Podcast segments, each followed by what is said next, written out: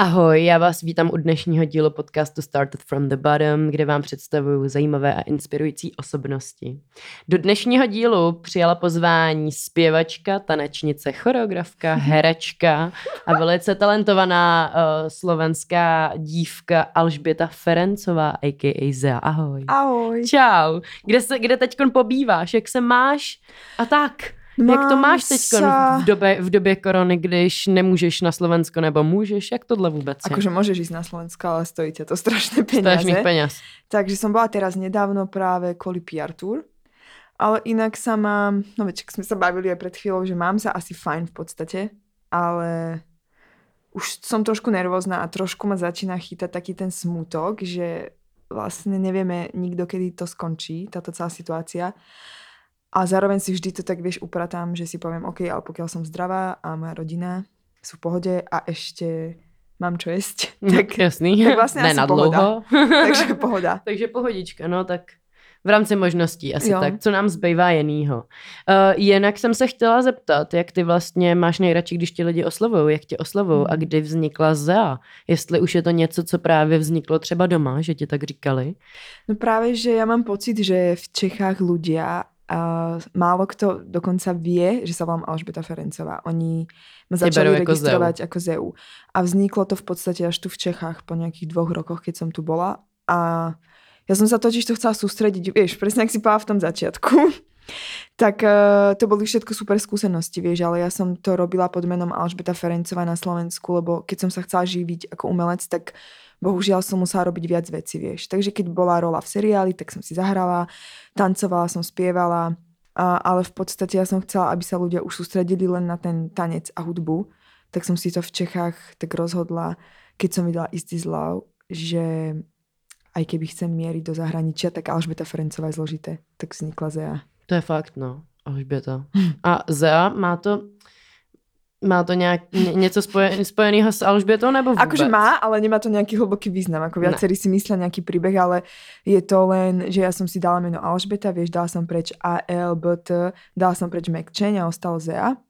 Ale potom som vlastne prišla na to, že Zea je v nejakom gréckom význame od slova Zelbet, alebo neviem, mm-hmm. niečo, vieš, akože také, že od Elizabeta a tak ja. sa to nejak skracuje, až to v gréčtine Zea znamená Alžbeta.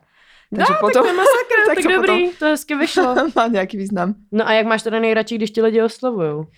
No, tuto v Čechách som si akože zvykla na to Zea, no. A, volajú. a doma? Bety ti říkají? No. Jo? A moja mama je vyslovene ako, že nikto ma nesmel volať, keď som bola malá, že beta, vieš, alebo tak. Fakt jo. Moja mama bola povedať, že ona je Alžbeta. ja som jej dala meno Alžbeta. A chodila do triedy, vieš, a kričala na mojich spolužiakov. Ona nie je žiadna betka. Ona je Alžbeta. A ja, a mám vlastne, teraz to mám ako keby rada. Keď niekto už naozaj pozná moje práve meno, tak je to Alžbeta. Já jsem měla být Alžběta. No, Moje babička no. byla Alžběta, já jsem taky měla být Alžběta, takže já mám moc ráda Alžběty. A Betky a tak dále, ačkoliv bych tě tak teda podle maminky neměla čekat. ty máš za sebou vydání teď debitového alba, který se jmenuje Burning Lights. Nebo Light? Light. Light, ale jedno. Mm-hmm. Ale Burning Light. často tomu říkají i so, takže jsem uh, Právě jo, se tě chtěla prvá, zeptat, no. jestli je to víc světel nebo jedno světlo. Takže jedno. A já ho teda doporučuji všem poslechnout, protože je skvělý. A uh, ráda bych se tě zeptala, co se stalo všechno předtím, než eh, tohle album vůbec spatřilo světlo světa.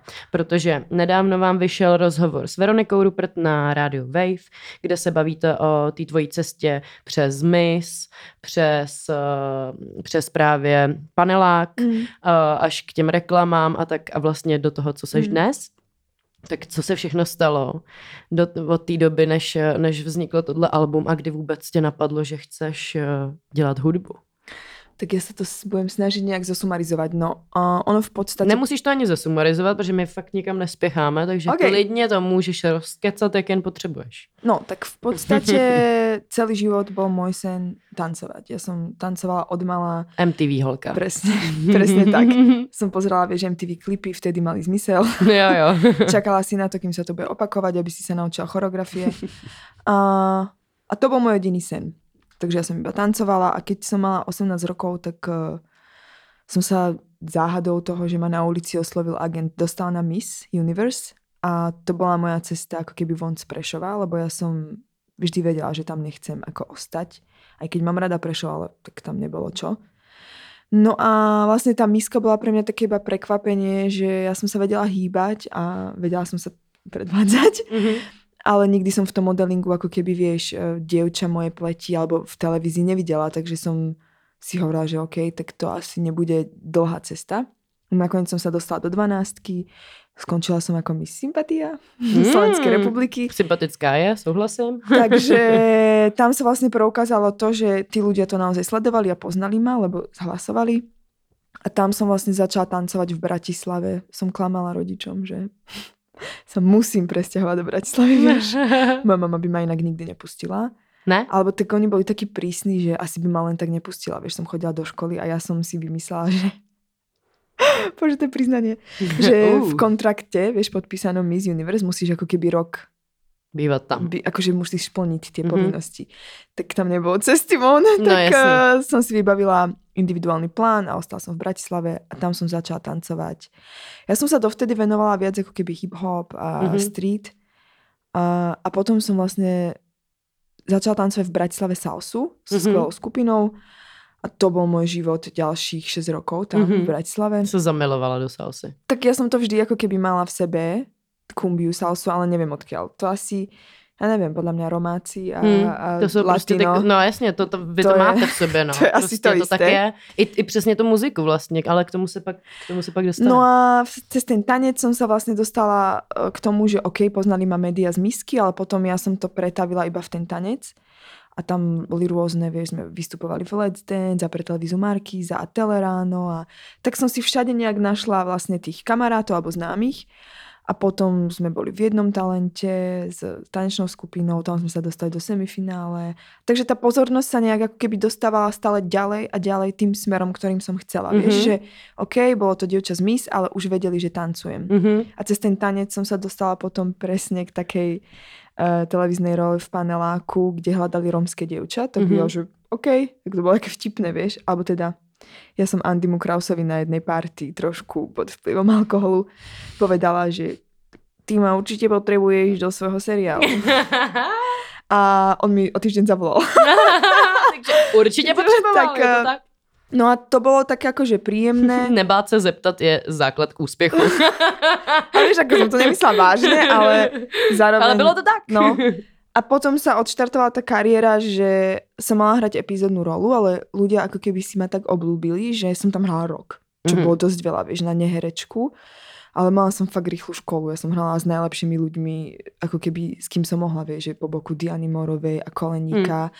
A potom proste to bolo fakt také, že som bola v strese, ale oni boli veľmi príjemní a akože nezhadzovali ma, skôr mi pomáhali. A potom vznikla ten základ, kam sa dostanem k spevu, že ja som už odišla zo Slovenska, som vždy cestovala medzi Parížom a Bratislavou a, a chcela som sa tam vrátiť, tak som tam šla. A zavolali mi z paneláku znova, že chcú, aby som pokračovala v tej televíznej role, ale že našli dievčenskú skupinu a že budem spievať. A som sa strašne začala smiať, vieš, lebo ja som fakt nikdy dovtedy akože... Nespívala. No som si iba, vieš, predstavovala, ja som sa predvádzala doma, keď som bola malá, vieš, alebo Delala tak, že, presne, že si si niečo akože tancovala, tak si si spievala. A tak nejak neviem, proste to bolo aké znamenie, tak som prišla a tam som stretla babi na takom castingu a bola som úplne, môžem použiť aj slovo, že... Môžeš. Posraná od strachu, lebo ja som ich počula spievať a boli skvelé, vieš. Ako ja som vždy tušila, že nie som úplne hluchá, ale nevedela som, počula som, ale nevedela som to vydať, vieš. Tak oni, že nie som stratený prípad, že to skúsia. No a tam začal For Someone, mm-hmm. kde som týždeň spievala, o týždeň na to nás, vieš, televízia ju poslala do Československo má talent. Takže moje prvé vystúpenie ever, keď sa hoci kto dozvedel, že spievam, bolo pred celým Československom, vieš. To, to nejseš troška. Takže, no, takže ja som bola úplne roztrasená ešte viac o to, že vlastne tí ľudia už z tej televízie ma poznali ako tanečničku, vieš. Jasne. Takže všetci si mysleli, že ona má nejakú dievčenskú akože tanečnú skupinu a my sme tam prišli a tam štyri mikrofóny, vieš, tak to bolo dosť vtipné. Ale, chvála Bohu, baby boli skvelé, vieš, neboli to, neboli, nemali sme nejaké rozbroje medzi sebou, takže oni ma brutálne ťahali v celou hudbou a ja zase s tou prezentáciou, jo, tancom. že to si dávali navzájem. Takže tak, to bola taká tá cesta k tej hudbe ale k albumu bola ešte dosť ťažká cesta, lebo For Someone sa rozpadlo. Áno. Pretože jedna z... Takto, my sme mali trošku ťažšiu cestu, lebo v Československu bohužiaľ neexistuje ešte management, producenti, mm-hmm. ale asi ten management hlavne, ktorý by vedel akože manažovať štvorčlenú kapelu. Mm. To bol proste najväčší problém, vieš, že my sme podľa mňa boli talentované, mali sme všetko, čo bolo treba, ale nemali sme ten tým ľudí, ktorí by... Který by to za vás prostě... Vôbec, vieš, my sme vlastne tápali... Řekli vám, co, kam zajít, s kým, co udělat a tak. No skôr áno, presne tí producenti, že hmm. nikto proste nechcel, nikto nevedel, jak má urobiť pesničku pre štyri hlasy. Hmm. Vieš, vždy uh, vyrobil niekto pesničku, kde bol jeden lead a tri boli vokalistky, ale my sme to tak nemali postavené. Hmm. Potom sa nám fakt častokrát dialo, že sme mali vystúpenie a neboli ani štyri mikrofóny, vieš. Uh-huh. Akože nikto nedokázal nás učiť štvorhlas. A, a, tak, akože, a to nás tak vyčerpávalo, že potom samozrejme každej z nás začali chodiť samostatné ponuky. Uh-huh. Ale ja som vždy chcela byť v tom týme, takže ja som to odmietala. A potom akože Rony uh, šla na solovú cestu, takže to už sme boli také smutné. A som sa presťahovala do Prahy a vlastne Laura s Myškou so mnou.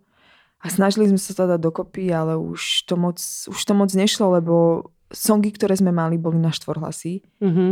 Najednou ste byli tři. Potom sme boli tri a potom nejak uh, Miška to vzdala a radšej študovala. Ja som sa začala venovať presne v Čechách tým reklamám, že som mala strašne veľa točenia a to ma vlastne živilo. A Laura si tak nejak hľadala, až neviem, či sa našla. Mm. A, a stále si myslím, že sa hľadá. Tak ja som to fakt chcela držať do poslednej chvíle, lebo som, tímový hráč. A potom som všade od ľudí počúvala, že urob to sama, urob to sama. Tak až vlastne po dvoch rokoch, keď som čakala na to, kým sa dáme dokopy, vyšlo Is This Love. Mm-hmm. A to ako keby odštartovalo tú kariéru spevácku, ale medzi tým bolo strašne veľa pádov s rôznymi nevydarenými uh, hudbami, nevydarenými produkciami, ignoráciou zo strany ľudí, nedôverou, vieš, v to, že nah, vy ste bol dievčenská skupina, to... Mm že to také akože nebrali nás seriózne, tak si myslím. Ale ja už som vtedy mala 21 rokov, keď to začínalo a keď som bola v Prahe, tak už som mala 24, takže ja som nebola akože nejaký teenager. Nejaká ako holčička, ktorá neví, co no, chce dělat. Ale to Is This Low trvalo strašne dlho. Rok. Rok, jeden single. Všetko sa pokašľalo, Jak čo sa možný? mohlo. Všetko, lebo ja som našla náhodne producenta, ktorý mi poslal z Ruska taký... Ja som fakt dlho hľadala prvý single. On mi to poslal a som proste vedela, že to že je to ono. Je ono. Mhm. Lenže tam sa presne diali také, vieš, že mal som celý tým na video, na produkciu a to long story short, proste tá prvá produkcia z toho vycúvala, neviem prečo. Mm-hmm. Nejak sa mi proste týždeň predtým mi povedal, že vlastne sa im song nepáči. Ah, ja. Takže veľmi profesionálna, okay. veľmi profesionálna produkcia, vieš, s ktorou pracuješ uh, mesiac na tom. Ale chvála Bohu ma zachránil uh, Buďa. Buďa, ne, asi je král. Takže Michal Budinský. Čau. Pozveme si někdy taky, pokecáme. A on proste to zachránil brutálne, mi fakt pomohol. Akože keby nebolo jeho, tak ten song nikdy, fakt, akože nikdy by som to nedotiahla do konca. Ten klip ani by neexistoval a vlastne on mi pomohol s tým začiatkom, že veril v, v ten song a urobil krásny vizuál. A tam to začalo to solo, no. Tam to začalo. Hm.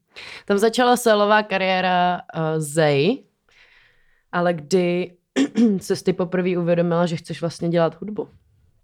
No, no, keď bolo to For Someone, tak ja som ako samozrejme tušila, že ma to baví. Ale bol to strašný ako nátlak, keď si zrazu v hociakej skupine, vieš, tanečná, spevacká, kde sú ľudia lepší ako si ty, mm.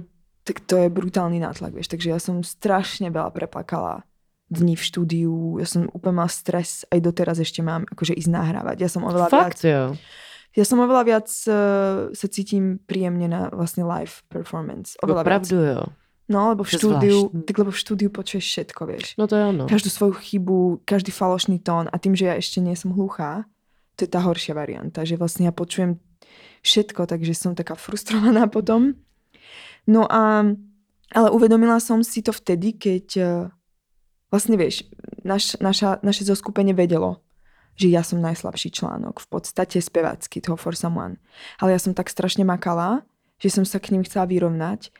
A potom, vieš, potom vystúpení, keď prišli lajci a ľudia, ktorí ale povedali, že sa im akože brutálne páči môj hlas a že v nich niečo vyvoláva, tak to ma tak utvrdzovalo, že OK, tak možno som najslabší článok v tomto zoskupení, ale akože asi ľudia cítia, že to myslím úprimne. Mm-hmm a páči sa im asi niečo na mne, tak mne trošku dlhšie trvalo ako keby nájsť svoju seba hodnotu, vieš. Yep. Že si uvedomiť, že ja mám seba reflexiu, ale tí ľudia zvonku možno nevedia, aká je situácia vo vnútri a páči sa im práve ten môj hlas. tak potom, keď som už išla na tú solovú dráhu, tak uh, potom Is This Low, to bol strašný akože stres. Som čakala vlastne na reakcie, ako sa to bude ľuďom páčiť mm-hmm. a mhm. to je 50 na 50, vieš. Buď prvým singlom zaujmeš, alebo si skončila. A chvála Bohu, nám sa stala tá, tá prvá varianta, že to je stále môj najúspešnejší ako single. Mm-hmm.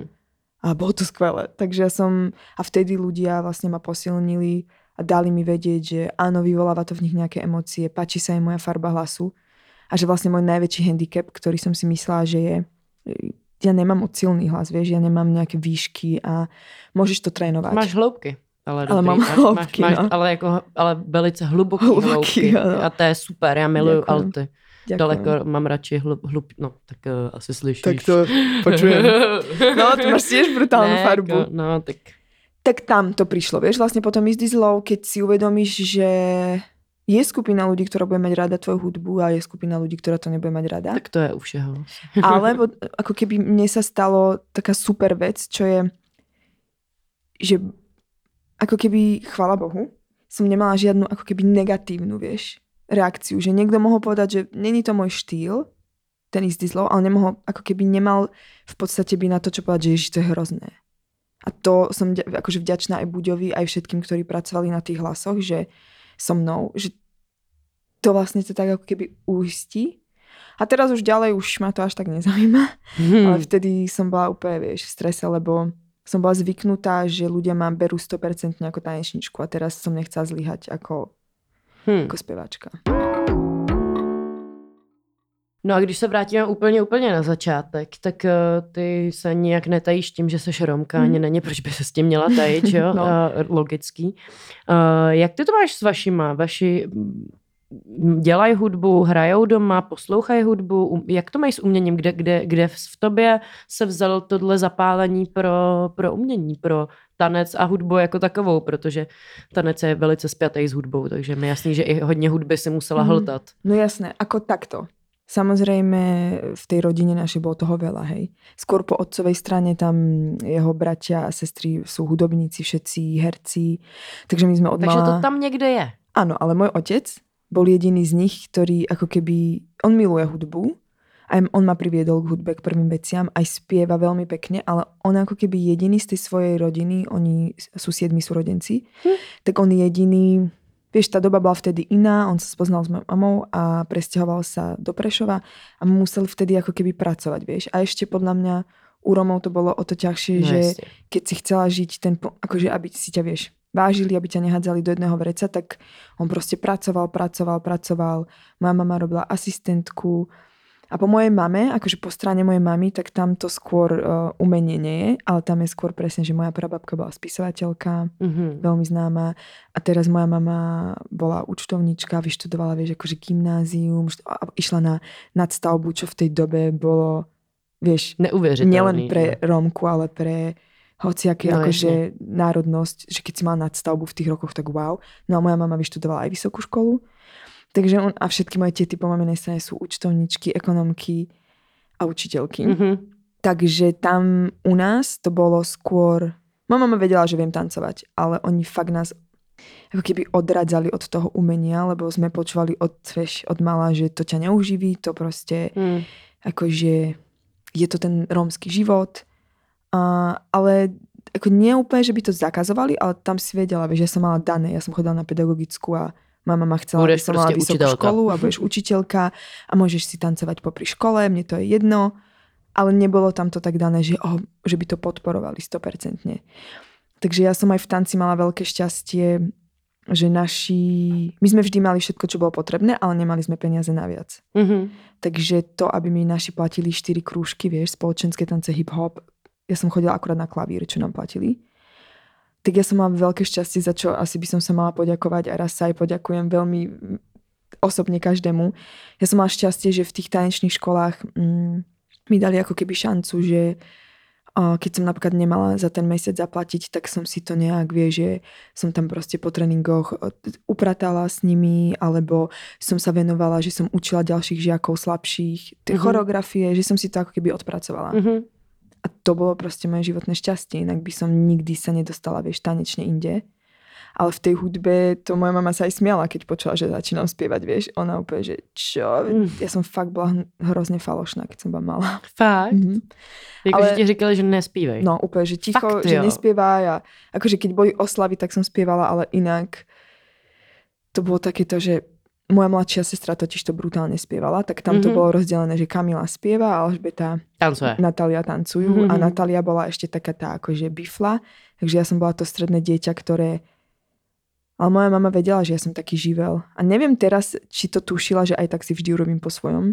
Ale oni, Asi tušila. ale oni ma v podstate, skrátke, ako keby ma odradzali od toho umenia, lebo sa báli, že to bude taký typický ako keby rómsky život a že ma ľudia nebudú brať vážne. vážne a že nebudem zabezpečená, nebudem mať prácu. A, hm. a to sa ale díky Bohu nestalo. nestalo, ale, ale bola to akože, bude to fakt šťastie, alebo alebo tam niekto hore tuší, že za tým nie je len to, že by som bola ako lenivá, vie, že mám mm-hmm. nejaký talent, že... Makáš na sebe no. prostě. Jak často se setkáváš s tím, že ti to je jako připomínáno, že prostě máš jenom barvu pleti? Hmm. Um, a ještě přesně vlastně, ty to nevím, jestli už v rozhovoru, když jsme začali nahrávat, ale jsi říkala, že je vlastně strašně těžký být jako ženská v tom, i v té hudbě, v tom jako prosadit si to, co ty chceš, to, co hmm. cítíš. Hmm. Minule jsme tady měli Veroniku Donutkovou, která dělá zase ve filmu no. hodně podobný no. prostředí, no. možná ještě horší pro ženský. Jak často se s tímhle setkáváš ještě kor, když právě jako takže s tou jinou farbou platí. No přesně tak. Ale i s tím vlastně, že jsi ženská. Jako no. jak, jak, často třeba cítíš, že, že v tebe lidi nevěřejí, nebo že tě no. podceňují kvůli tomu, že na tebe jenom kouknou a vidí, že máš jinou barvu pleti. No. A ještě k tomu jsi ženská. Hm. Tak uh, akože chvála Bohu, nemôžem povedať, že by to nejak súviselo spolu v rámci tohto, ale v obidvoch dvoch rozdielných akože týchto témach to cítim v tom, že v tej hudbe to už nevadí vôbec, si myslím. Práve, že to je výhodou... To je obrovská výhoda. Ne, Československo. Akože tam, vieš, to si musíme uznať, tam to nikdy nebolo nejak... Eh, hlavne na Slovensku veľa rómskych interpretov, ktorí, vieš, sú prvotriední no, cigánsky diabli, vieš, a rytmus a to proste tamto moc eh, ako keby nebol problém. Skôr si myslím v televízii. Mm-hmm. Vieš, že keď som moderovala alebo tak, tak tam už boli náražky všade akože, Opravdu, no, že Rómka v prime time a uh-huh. cigánka, vieš, že to, to ako nebolo pekné, alebo keď som bola na miske. Tak no, tam, to, je, to mne, to mne tam, nejvíc překvapuje. Tie komenty boli fakt, že tam, do, vieš, podľa mňa do roku 2010 neviem, či bola nejaká Rómka v 12 A potom som sa objavila ja a ešte v ten rok nejaké dve dievčatá, ale v druhej mis. Ale ako keby nemôžem povedať, že by som v rámci umenia tanca a spevu mala s tým problém. To vôbec. To skôr bola akože výhoda. Mm-hmm že si ma zapamätali, vieš, všimli si mm-hmm. ma. Mhm. A, ale myslím si, že v tom modelingu. Mm-hmm. To také skryté, podvedomé. Vieš, že vlastne miska bola jediná šanca, ktorú som dostala. Potom som mala nejaké prehliadky, pár, ale to je akože fashion, tam nie sú žiadne peniaze, vieš, mm. v Československu. vôbec. Nejsú, no. Takže to bolo také len akože prestíž nejaká chvíľková, ale ja som hneď pochopila, že z toho žiť asi nebudem.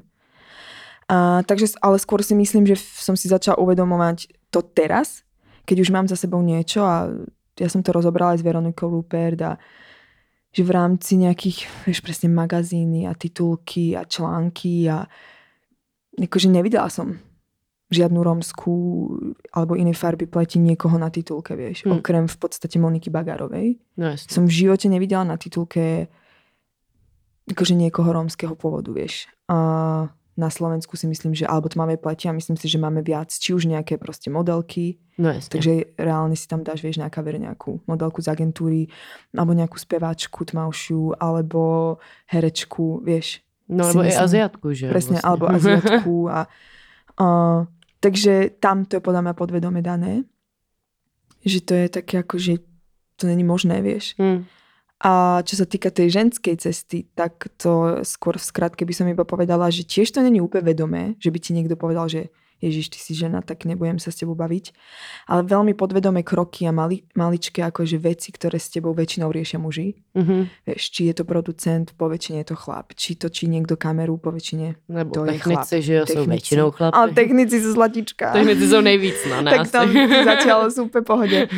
A, alebo vieš, presne režiséri, alebo potom keď točíš reklamy, vieš, tí veľkí režiséri, uh, ľudia, s ktorými riešiš biznis, vieš, maily, grafika, vieš, akože všetko okolo toho, tak tam proste častokrát akože sa stretneš s tou, s tou odpovedou, že ty proste vieš, čo chceš a oni ti povedia, že ale to tak nie je.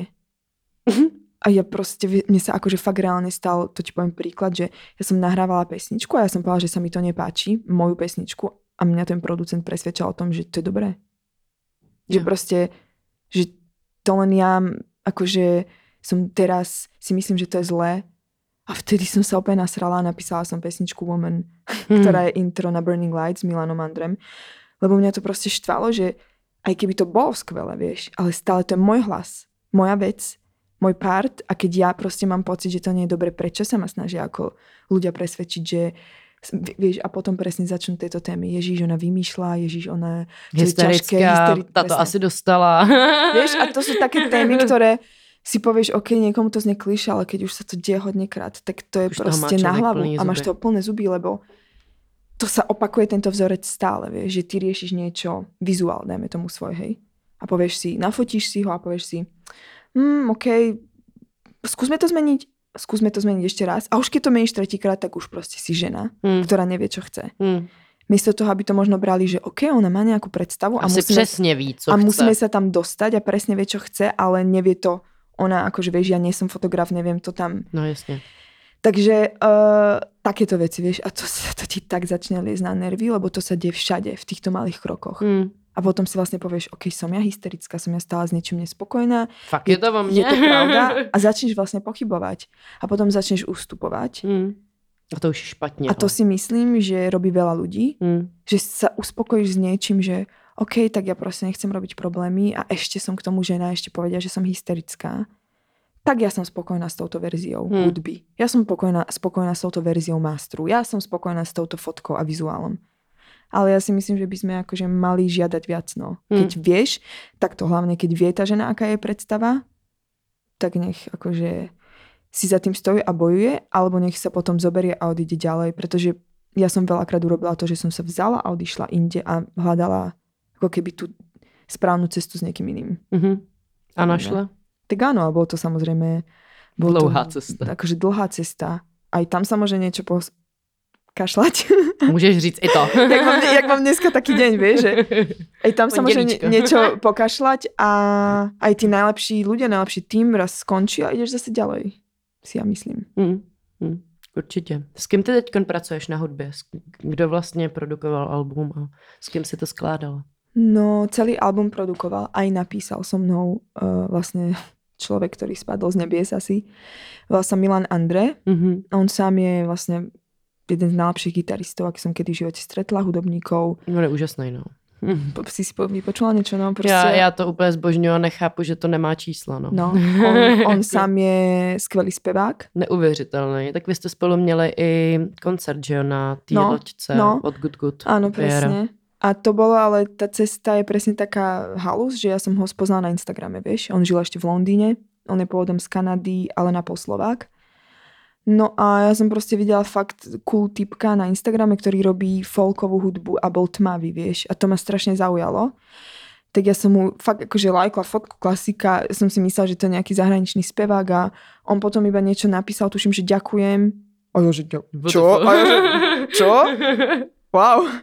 No tak proste sme sa len dali do akože nejakej debaty a som povedala, že super spieva. A nejak, vieš, tak akože letmo sme boli v konverzácii a potom mi raz zavolal kamarát, ktorý ako keby poznáš Slnko Records, mm-hmm. tak on tam pracuje, alebo to má celé na starosti, že, že čau, že neuveríš, koho sme podpísali pod Slnko Records. Milana. A že Milana, a ja, že čo? Vieš, že to bolo dosť divné. A on sa rozhodol vrátiť na Slovensko. Mm-hmm. A tak sme sa proste stretli naživo a nejak to fakt zapadlo, že obidvaja ako keby milujeme tú alternatívnu hudbu, folkovú hudbu. Ja som vedela už dávno, keď som počula, ako on hrá na gitare, že toto je presne tá gitara. To je ono. To je proste ono, čo som hľadala. A strašne veľa ľudí, bohužiaľ v Československu sa ani neučí tento štýl. No jasne. My sme to rozoberali aj s Milanom, že alebo zatiaľ nepoznám tých gitaristov, ktorí by išli viac ten finger picking, mm-hmm. že proste krásne vyhrávajú tú hudbu. No a tak. Milan, ako keby to bola jeho prvá skúsenosť vlastne produkovať niečo, tak on to celé so mnou napísal, sprodukoval, akože extrémne robil všetky hlasy. My sme to nahrali u neho doma, vieš, takto mm-hmm. na mikrofón. A potom sa to už iba mixovalo v Londýne a master robil Kenny Ruff. Takže to bol taký tým ľudí okolo, ale v podstate bez Milana by to nevzniklo. No. Mm-hmm. Takže díky bohu za to, že ho no. někdo seslal z nebe. A pozrite si Na ho. tvůj Instagram. Milan jo. Andre. To je, jo, to je opravdu velice zajímavý týpeček. Bude to spolu dělat dál? No dúfam, aj keď ja si myslím, že Milan v podstate teraz sa mu to tiež ako keby rozbieha tu. On sa presťahoval do Prahy. Mali sme v pláne, vieš, mať spolu koncerty mm. a túr, čo sa dúfam presunie na január a s týmto albumom. A ja by som chcela ešte minimálne urobiť nejaký akože plnohodnotný duet s ním. Mm-hmm. A Boh vie, vieš, možno budeme pokračovať ďalej a možno práve budem hľadať nejakých iných ľudí. Mm-hmm. Ale myslím si, že on tu bude stále, že to s ním budem konzultovať. Akože najviac mu zatiaľ verím v tom, že nikdy v živote nikto nenahral môj hlas. Tak ako on, ako keby tomu rozumie, vieš, fakt No, asi tam prostě proběhlo něco, mm. v čem se rozumíte, no. Ono no. to prostě není úplně jednoduchý dělat s každým, no. No, vlastně ono to nejde podle mě no, dělat no, s každým. Jako. Hlavně, keď někdo bere tu prácu, vieš, v štúdiu, hlavne jak e, robotu, že to je bam, bam, bam, rýchlo to nahrám a nepočúva presne, či máš hlboký hlas, či máš vysoký, či je ostrý, či je proste zafarbený, mm. či si máš silný hlas. Vieš, keď to niekto nevie, tak nikdy neznikne tá vec tak, jak by mohla, aký by no, mala potenciál. Na čem se dáváš nejvíc záležet? Celkovo? Mm-hmm. tak ja som taký... Ja som... Jsi perfekcionista, že? Brutálne. No. Až ma to podľa mňa zabíja. Aj sa vlastne spolím na tom niekedy pochytíme, lebo aj on je a ja som. Aj, aj, aj, aj. A ja vyčítam jemu, on vyčítam mne, mm-hmm. že ty to chceš až strašne dokonale a, a ja jemu. Dávam si asi najviac záležať na tom, aby keď už niečo dám von, či choreografia, či video, fotka, tanec, spev, aby som to proste nikdy nemusela vziať späť, vieš. Pre mňa je veľmi dôležitý, čo sa týka hudby, ja som to aj hovorila, že podľa mňa je veľmi dôležitý vizuál. To je taká tá emocia, ktorú predáš ešte viac, než len mm-hmm. cez tú hudbu. Mm-hmm. No, takže asi v tom. Hla, no takto, aby to malo vždy zmysel, to, čo robím. Mm-hmm. Logický, aj hociaký, vieš, akože, aby to nebola nejaká nezmyselná hovadina proste, ktorý si povieš o mesiaci, Ježiš, musela som to robiť. Hmm, jasně, no. To je asi docela, to je, to je docela dobrá vlastnost, si myslím, stoprocentně. Víš, čo myslím, že... Vím, vím přesně, co myslíš. Že aj keď nejaké spolupráce riešim, čo sa nesnažím moc influencerské, lebo ja to ne, že neuznávam, ale myslím si, že aj hociaká blogerka by mala robiť veci aspoň nejak zmysluplne. Určite súhlasím. tak ja si v rámci samozrejme nemôžem byť pokrytec a v niektorých veciach ťa to živí, hlavne v tejto dobe tak aj keď mám pár spoluprác, tak vždy si poviem, OK, nafotím to, má to nejaký zmysel, e, je to pre mňa niečo, vieš, má to nejakú hodnotu pre mňa, tak to všetko sa snažím. To je asi najviac nad čím rozmýšľam, že mm-hmm. aby som sa za to nemusela hambiť. A si kritická? Hodne? Som brutálne kritická a to je vlastnosť, na ktorej som v roku 2020 začala. no, lebo som začala pracovať aj, snažím sa na sebe samej, vieš, že ne, nemyslím si, že som dokonalá a to je taká vlastnosť, ktorú, neviem, možno niekde poberieš, možno niekde máš. Že som aj veľmi kritická na okolie, vieš. Ja také. A mm, ono to je napríklad v rámci hudby, to je aj preto, že ja presne viem, čo to obnáša, keď chceš niečo urobiť uh, perfektne a mm-hmm. to neznamená, že to urobíš za týždeň. Mm. Preto keď vidím v nejakých ľuďoch potenciál a vidím, že niečo vydajú, čo je podľa mňa tak na 30%, tak som kritická, lebo si viem, že fakt si nemohla nad tým robiť alebo nemohla nad tým robiť dlhšie, že ten talent tam je, je tam to, tak akože keď sa bavíme, vieš, s kamarátmi alebo tak, tak som akože brutál kritická. Mm. Ale povedala som si tento rok, že nemôžem byť taká, lebo ja som nemala rada, keď boli ľudia na mňa takí, vieš. Takže toto mi asi dal rok 2020, že sa naozaj snažím ako v tom ovládať, lebo sa snažím ako v tom nájsť to porozumenie, že možno pre toho iného človeka je to perfektné, vieš. Jasně. Ale jinak... Hele, já to úplně chápu, no já tohle mám třeba hodně často, já mám prostě problém s češtinou, strašný problém, no. opravdu, jako já miluji český jazyk. Ale mám hrozný problém, když někdo se snaží zpívat česky, ale a tak, aby to znělo anglicky. Ježiš, no. To je prostě, to je věc, kterou já nedávám a vlastně mě to tak strašně rozčiluje, že vím, jak by ty lidi mohli být daleko, kdyby zpívali anglicky. Ale nechci. Ale nechtějí. Chtějí to dobít tady, já to chápu, ale... Já to mám ze. Uh, já to tak strašně nemám ráda, když prostě tomu člověku nerozumím ani slovo a přitom je tady tolik interpretů, který hmm. mají nádherný český texty. Víš, ale nehrajou si na to, že jsem zahraniční. Ne. Přiznaj, je to česká Přesně. věc, od A do Z je to český, je to skvěle udělaný. Třeba Aneta Langerová. No. To je prostě hudba, Jasně. kterou já dokážu hltat, rozpláču hmm. se u ní. Texty jsou nádherný, ona má neuvěřitelný hlas. Jo, no. a, a Takhle se to má dělat. A mě všichni vždycky říkají, proč zpíváš v angličtině? Proč to děláš? Když jsi v Čechách, zpívej česky. Já si netroufnu napsat něco v češtině. Já mám to jisté v To je prostě, protože je to tak strašně těžké. Já to napíšu, ale bude to znít prostě jak patos. Tak bude to, to znít sme, strašně. To jsme v tom rovnako, lebo já jsem strašně častokrát samozřejmě počúvala, proč nepíšeš slovenský, takže poprvé já mám tyto názory, hej. Svoje názory. Ja milujem presne tú slovenčinu tak natoľko, že... Ji nechce ubližovať. Že ne, presne, že ja tej Slovenčine nechcem ubližovať, takže sa tu nebudem tváriť, že som najlepšia textárka. Bohužiaľ si neviem napísať ten slovenský text. Snažím sa stále, ale nikdy to nebude katarzia, vieš, ktorá je no, brutálna. Přesne, přesne. Takže uh, ja som si, to je také moje prvé pravidlo, že pokiaľ nenapíšem text po slovensky, ktorý bude minimálne 90-percentný, tak uh, ja to nebudem vydávať, lebo len ubližuješ podľa mňa a znižuješ ako keby tú kvalitu tej hudby, ktorá sa potom hráva. A druhá vec je, prečo spievaš anglicky? No neviem, pýtajú sa ľudia, akože Selah Siu z Belgicka, prečo spieva anglicky, no, alebo Aurory z Norska, že prečo, prečo spievaš anglicky? anglicky? Prečo si sa ty dostala do celej Európy a do celého sveta? Mm, proč? Asi. Čiže mňa to tak mrzí, že to Československo degraduje náš, nás hudobníkov. No, brutálne. Ktorí podľa mňa majú veľký talent ale je to nastavené v mysliach, že nemôžeš spievať anglicky, lebo pozri sa, aká je, vieš, aký je svet veľký. Mm-hmm. OK, ale keby si to hovoria všetci títo menší ľudia z tých krajín, ktoré podľa mňa nie sú o nič horšie než Slovensko a Česko, vieš, akože Norsko. Koľko no, ľudí z Norska je vo svete známych? No jasne. Presne z Belgicka, vieš, akože z Nemecka, z, Francie, z Francúzska. Že... A teraz myslíš si, že v ich krajinách im ľudia a labele a manažery hovoria, ne, musíš spievať iba vo svojom jazyku. Myslím si, že ne. A to ma mrzí, lebo keď si dokážem, keď dokážu rádia hrať um, Jessie Ware, Alien Lehavas a Billie Eilish, ktorá je alternatívna, ok, teraz je brutálne veľká, preto hrajú. Alebo proste hociakých interpretov, ktorí vieš si povie, že sú alternatívnejší, takže to znamená, že tí ľudia v Československu majú vkus a, a počúvajú tú hudbu. Prečo nedokážu podporiť uh, českých a slovenských umelcov, ktorí robia kvalitnú mm. anglickú hudbu? Mm kde by vlastne pomohlo to, že čím viac oni nám pomôžu, tým väčšie čísla my budeme mať, tým väčšia možnosť je, že si nás všimnú zahraničí. Mm. To je len tak veľmi jednoduchá akože nabalovacia metóda. Yeah, no. Čiže my tu končíme preto, že nás vlastne nepodporujú vlastní ľudia. Mm.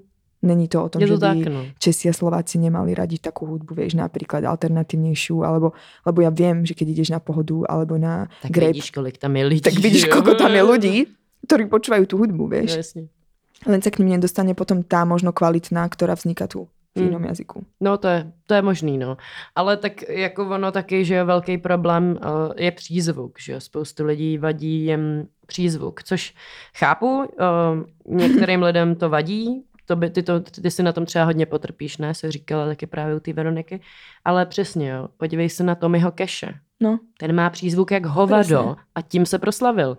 To dělá ten rukopis, který on v těch věcech má. Že ten, já, jsem to teda... já bych se toho vůbec nebála, jako celkově lidi prostě dělají to tak, jak chcete, jak cítíte, že to no. má být podle No právě, vás. právě teraz Milan mi nedávno povedal takú tú vetu, že on vlastne sa narodil v Kanade, takže on má perfektnú angličtinu, zároveň hovorí španielsky, francúzsky a slovensky. Nesnáším tyhle ty hrozně talentovaný a chytrý. Že, on sa naučil slovensky za neviem pár mesiacov, akože vedel, ale zlepšila sa mu slovenčina za pár mesiacov. Už je skoro na level, vieš, 100%. A on mi povedal takú krásnu vetu, že prečo ľudia nemajú radi, ak, veď akcent je krásny, vieš. Že to z nás robí akože tie no, individua, akože, individu, akože individualistov, tak. A vtedy som to aj ja, lebo ja som bola tiež moc prísna. Samozrejme je rozdiel, keď chceš spievať po anglicky a vôbec nevieš po anglicky. No tak to jasne, je... když tam hello, today is a good weather, a musíme, to je špatný. No. A musíme, vieš, bohužiaľ v Československu sú aj takí speváci. To jo, no. To zase... To I zas... can feel my face when I'm with you, but I love it. But I love Ale it. potom sú aj skvelí a samozrejme, keď máš nejaký akcent minimálny, ktorý je len cute, alebo proste ťa nejak definuje, tak to nie je nič zlé, no. Netreba sa toho báť. Co ty děláš teď v těchto dnech eh, karanténních, když eh, vám zavřeli studia, nemůžeš tančit? Měla si nějaký online uh, classes? Ja som mala jednu v tej prvej vlne a skončila som to, lebo to nemá to zmysel. To, to, moje hodiny sú hlavne o tom, aby si cítila tú energiu v rámci toho, že keď tam prídu tie ženy alebo baby z práce, zo školy, vieš, majú nejaký problém vo vzťahu, sú unavené, alebo sú brutálne happy, niečo sa im podarilo, od toho všetkého sa odvíja tá moja hodina. To je, ja učím takú improvizáciu a cítim tú energiu, jaká práve v tej miestnosti je. Mm-hmm. A presne viem, a dneska si dáme chill, dneska mm-hmm. si dáme energiu, dneska to online neurobiš. Takže ja som vlastne to skôr keby som povedala, že no, že vydržte a tancujete doma, hoci kedy mi napíšte, ja vám pošlem nejakú hudbu, keď chcete nejaký krok, tak ja som individuálne posielala. Hmm. A natočila som asi dve alebo tri videá postrihané, také vieš, že choreografiu. Jo. Ale ten online pre mňa nemá zmysel a dúfam, že sa keby nikdy nedostaneme do toho, že už bude to potom... jenom online? No, že to bude. Ne. Takže to som nerobila, ale um, tak ja pracujem ešte. Mm-hmm. Kde pracuješ? V PR agentúre. Mm-hmm. A... Tak to je dobrý, při tom, co děláš, tak se tam rovnou no, pošmelíš ty svoje no, no práve, že to bolo také, vieš, že som sa presne bála, lebo ja som tam začala pracovať vôbec predtým, než vyšiel album. Dlho. A ja som to práve začala preto robiť skôr, že som si hovorila, že mám skúsenosti v hudbe, v tanci, v televízii, reklamy, vieš, za to, pred tou kamerou. Poznám strašne veľa ľudí za tou kamerou, viem, jak to funguje. Mm-hmm. A hovorila som si, že jediná vec, čo mi chýba do budúcnosti v mojom pláne, je ako keby nahliadnúť do toho PR, že ako mm-hmm. to mhm. funguje, naučiť sa veľa vecí. No a tak sa teraz učím a je to dosť, je to dosť halúz, ako to PR je samozrejme o kontaktoch mm. a musíš byť aj kreatívny, Takže len, že v rámci korony sa z toho PR stalo aj vlastne nejaký marketing, takže mm. tam sa učím za chodu a to ako keby mám z toho výplatu a to ma živí teraz, plus na chvíľu potom boli tanečné hodiny, potom sa zrušili. Ale inak sme čilovali v Liberci. Jo, pohodičku. V LBC. LBC, no. ako Poli, počas tej prvej karantény Poli do, dorábal album s Vičom. Takže tam to bolo fakt také, že som sa cítila tak príjemne, že tak som proste upratala, šli sme na prechádzku, varila som. A... Dala sa s takou dovču na chvíľu, No a Poli, Poli pracoval mega, vieš. Takže som mu tak bola tou oporou, si myslím, dúfam. Jo, tak. že on sa sústredil na, na tú hudbu, ale teraz už nechcem, prosím Žádnou... Už žádnou oporu dělat nebudu. už, už nebudu už uklízet nebudu. a nebudu chodit na procházky. ne, já se cítím úplně stejně. Já jsem v té první vlně byla v pohodě, v pohodě. Já jsem začala mega cvičit. Já jsem fakt to, bo, jako to hrotila jak blázen. Já sám vím. Hej, a teď? Já už jsem třeba dva měsíce neudělala ani dřet. Nechce se mi nic. A odmítám. Já jsem prostě totálně rezignovala nad celou situací a jenom prostě poslouchám, co mám dělat, aby už to přestalo, že prostě... Nedí, fakt... Jsem divná, víš? No, asi, asi jak, jestli jsi divná? no, že v tom, že já jsem počas té Že jsi necvičila? ne, určitě ne. Určitě ja som bola podľa mňa presne ten človek, čo, alebo teda akože cvičila som tak, že ako samozrejme išli sme si zabehať tak dvakrát týždenne a Poli cvičil viac, ale ja som bola presne ten typ, že guilty pleasure, že ležím na gauči a mhm. nebudem si tiež dávať radšej na Instagram, aby ma ľudia nesudili, že necvičím. Jo, jo, jo, jo, jo, přesně. Mě pak hrozně bavil takový ten obrázek toho pán, co má tu cedulu nad hlavou. Přestaňte postovat videa, jak cvičíte. no. jo, jo, ale obdiv všetkým, ktorí Jo, tak já jsem to zase nabrala teď všechno zpátky. Takže taky obdivuju. taky obdivuju všem, co to, co to vydrželo, protože mě ne, bohužel. No a uh, blížíme se, ale už tady sedíme skoro hodinu. Sorry. Neuvěřitelný, co? Ale mě by zajímalo, kam ty se schodívávala bavit, když to bylo možný. A co posloucháš za hudbu a co bys doporučila lidem? Ježiš, tá prvá otázka, to si ma... Kam som sa chodevala baviť? No to je to vtipné, že mňa sa to všetci pýtajú, ale... Ty nikam nechodíš. Akože teraz to vysne, že som až nudná a, nie, a niekedy tak aj pôsobím, pretože som na partista, ktorá proste hovorí nepíte a nerobte to a fakt, ale... Fakt? Ja neviem, to je možno tým, že ja som fakt, jak som ti hovorila, že od tej mojej mamy mám brutálne akože takú tú prísnu výchovu, mm-hmm. tak ja aj keď som začala žiť sama, tak som nikdy úplne sa nezbláznila. Mm-hmm ale bavili sme sa, tak ja mám skôr rada také, že sme chodili proste na byty, varili si večere, vieš, počúvali hudbu, a dáš si vínko a tam sa bavíš. Inak ja som mala dosť éru, neviem, či poznáte u Fujiho. Mm-hmm. tak, my tak sme tam, tam si chodila furt. tak to bola éra, že tam sme chodili stále, lebo tam chodili tanečníci mm-hmm. a dole, kde ideš na šišu, tak tam proste sme si hoci čo púšťali a tam sme tancovali proste celú noc. A, ale inak, ako buď som chodila s Pavlom na koncerty, alebo sme išli na nejaké iné koncerty a Poli rád chodí do divadla, tak sme chodili v Prahe hlavne do divadla pod Palmovkou. A, a inak som ja taká, že akože neuvidíš ma tak, že by som v piatok sa vzala a išla na party. No. Mm-hmm. To, to neviem, takže mi kľudne, vy mi môžete kľudne poslať. Mm-hmm. Kam má chodiť? Kam mám chodiť? Teď nikam, no. Teď to je jednoduchý, ale. A čo sa týka hudby, čo počúvam, tak v rámci tanca, ono ja to mám tak rozdelené, ja milujem to latino, reggaeton, salsu, kumbiu, tak to si tak vždy napočúvam veci, ktoré ma tak nabudia ráno niekedy, vieš, ale nepočúvam to, že by som si pustila len tak reggaeton. To je skôr, že fakt musím pri tom vždy tancovať, mm-hmm. Jedna, jedna zo sto je taká, že si to spievam a počúvam. Ale skôr som vlastne tá alternatívna hudba alebo folková. Takže ak si niekto chcete pripraviť The Suicidal Playlist, uh, počúvajte. OK. Nie, tak uh, milujem Charlotte Day Wilson. Mm-hmm. Uh, Taký milujem úplne. Má nádherný hlas. Milujem uh, The Paper Kites. Mm-hmm. To počúvam stále. Potom ako keď bola tá Billie Eilish, tak ja som samozrejme bola obsessed, ale už teraz už trošku menej. Také to mám stejne. Úplne. Ale má krásny hlas stále, takže to som mala, ale to už asi všetci počúvate. Uh, premýšľam... Neviem úplne, ak sa to vyslovuje správne práve. Je to Madison Rain Ward, si myslím. Neznám. Ona má krásny hlas. Keď to budeš môcť dať do titulku, tak mm-hmm. ti to... Niekde to tam uvidíte. A a ešte počkaj, počkaj. To je takéto, že vieš, musíš ísť na ten Spotify, ale ja... Jo, aby si uvedomila, co vlastne poslúchaš. Ja počúvam strašne Hawks. Mm-hmm. To je taká strašná alternatíva, to je taký typek. O... A potom ja som sa dosť vrátila, akože vždy sa vraciam k takým tým starším R&B veciam. Ja milujem Brandy. Mm-hmm. Uh, to si tak vždy z nostalgie pustím. Nejaké staré veci od Brandy. Uh, milujem staré veci od Lauren Hill. A uh, teraz som znovu začala Mary J. To boli také detské hviezdy, čo som milovala. A ešte, aby som nezabudla, milujem Kings of Leon.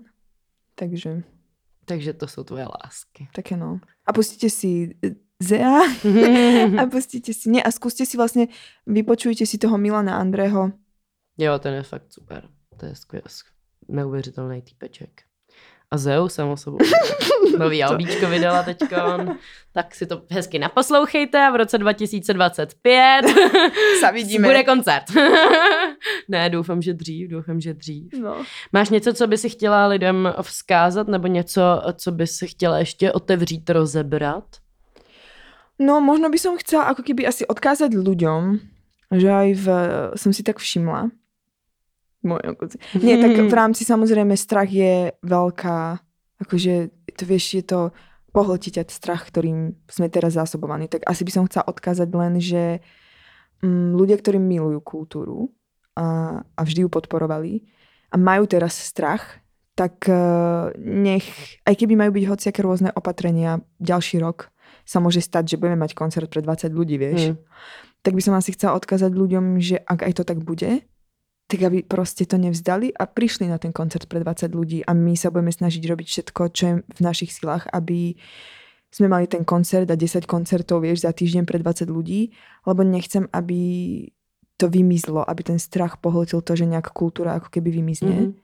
Takže ak môžu to podporiť aj takto, tak nech sa neboja. Vieš, že nech to nie je úplne také, že tak teraz nesú a to je len pre 20 ľudí, tak kašlíme na to. Mm. Lebo keď si to povie každý, tak potom to naozaj zomrie. A aby sa nebali byť trošku beres, akože aj keby boli nejaké tajné koncerty, alebo vieš, že aby našli v sebe takéto rebelstvo trošku, že ak milujú tú kultúru, tak aby ju podporovali. A samozrejme, možno by som chcela odkázať nielen v rámci kultúry, ale aby sme podporovali teraz sa navzájom české nejaké brandy, značky, umelci. Takže napríklad, vieš, keď idú Vianoce, viem, že to znie hrozne, nie je to materiálny pre mňa sviatok, ale aj keby si máte kúpiť len nejaké malé pero alebo náušnice od niekoho z Čech, alebo vinyl od nejakého hudobníka alebo CD, tak by bolo skvelé, keby sme sa tak podporovali teraz navzájom, lebo pre vás možno mali peniaz a pre niekoho, vieš, to, mm. to zachráni tú situáciu. A počúvajte dobrú hudbu Um, a neklesajte na duchu, aj keď je to fakt ťažké, tak sa fakt akože prosím, hľadajte to Burning Light, no. O tom tak. je ten celý album. No jasně, musíme ho hledat. A až ho najdem, tak se sejdeme na tom koncertě. Tak. tak jo, já ti moc krát děkuju. Ja ďakujem. Uh, ještě kde tě lidi můžou najít, kde tě můžou sledovat? No ja som tak, akože to je veľmi jednoduché, ale polepším sa, už sa pracuje na mojej webovej stránke, ale nájdete ma hlavne na Instagrame Nemám bohužiaľ Twitter a, a Facebook mám osobný. Zatiaľ pracuje sa na fanpage, ktorá už bola dávno, len bola pod iným menom. Takže asi na Instagrame pod DCZA. A tam naozaj dávam všetky informácie ohľadom tanca a koncertov. Neskôr to presunem na web. Takže tak. Takže pro všechny, co jste se mě ptali, abych se Zaj zeptala, kolik stojí lekce a kde a v kolik učí, tak tam se to dozvíte. Jo? Tak jo. Já vám děkuju, mějte se krásně. Já jsem Gabi, děkujem GoOutu za to, že žijou a přežívají a bojují za kulturu. Děkujeme za to, že jsme tady mohli nahrát podcast a mějte se krásně. Čau. Ahojte.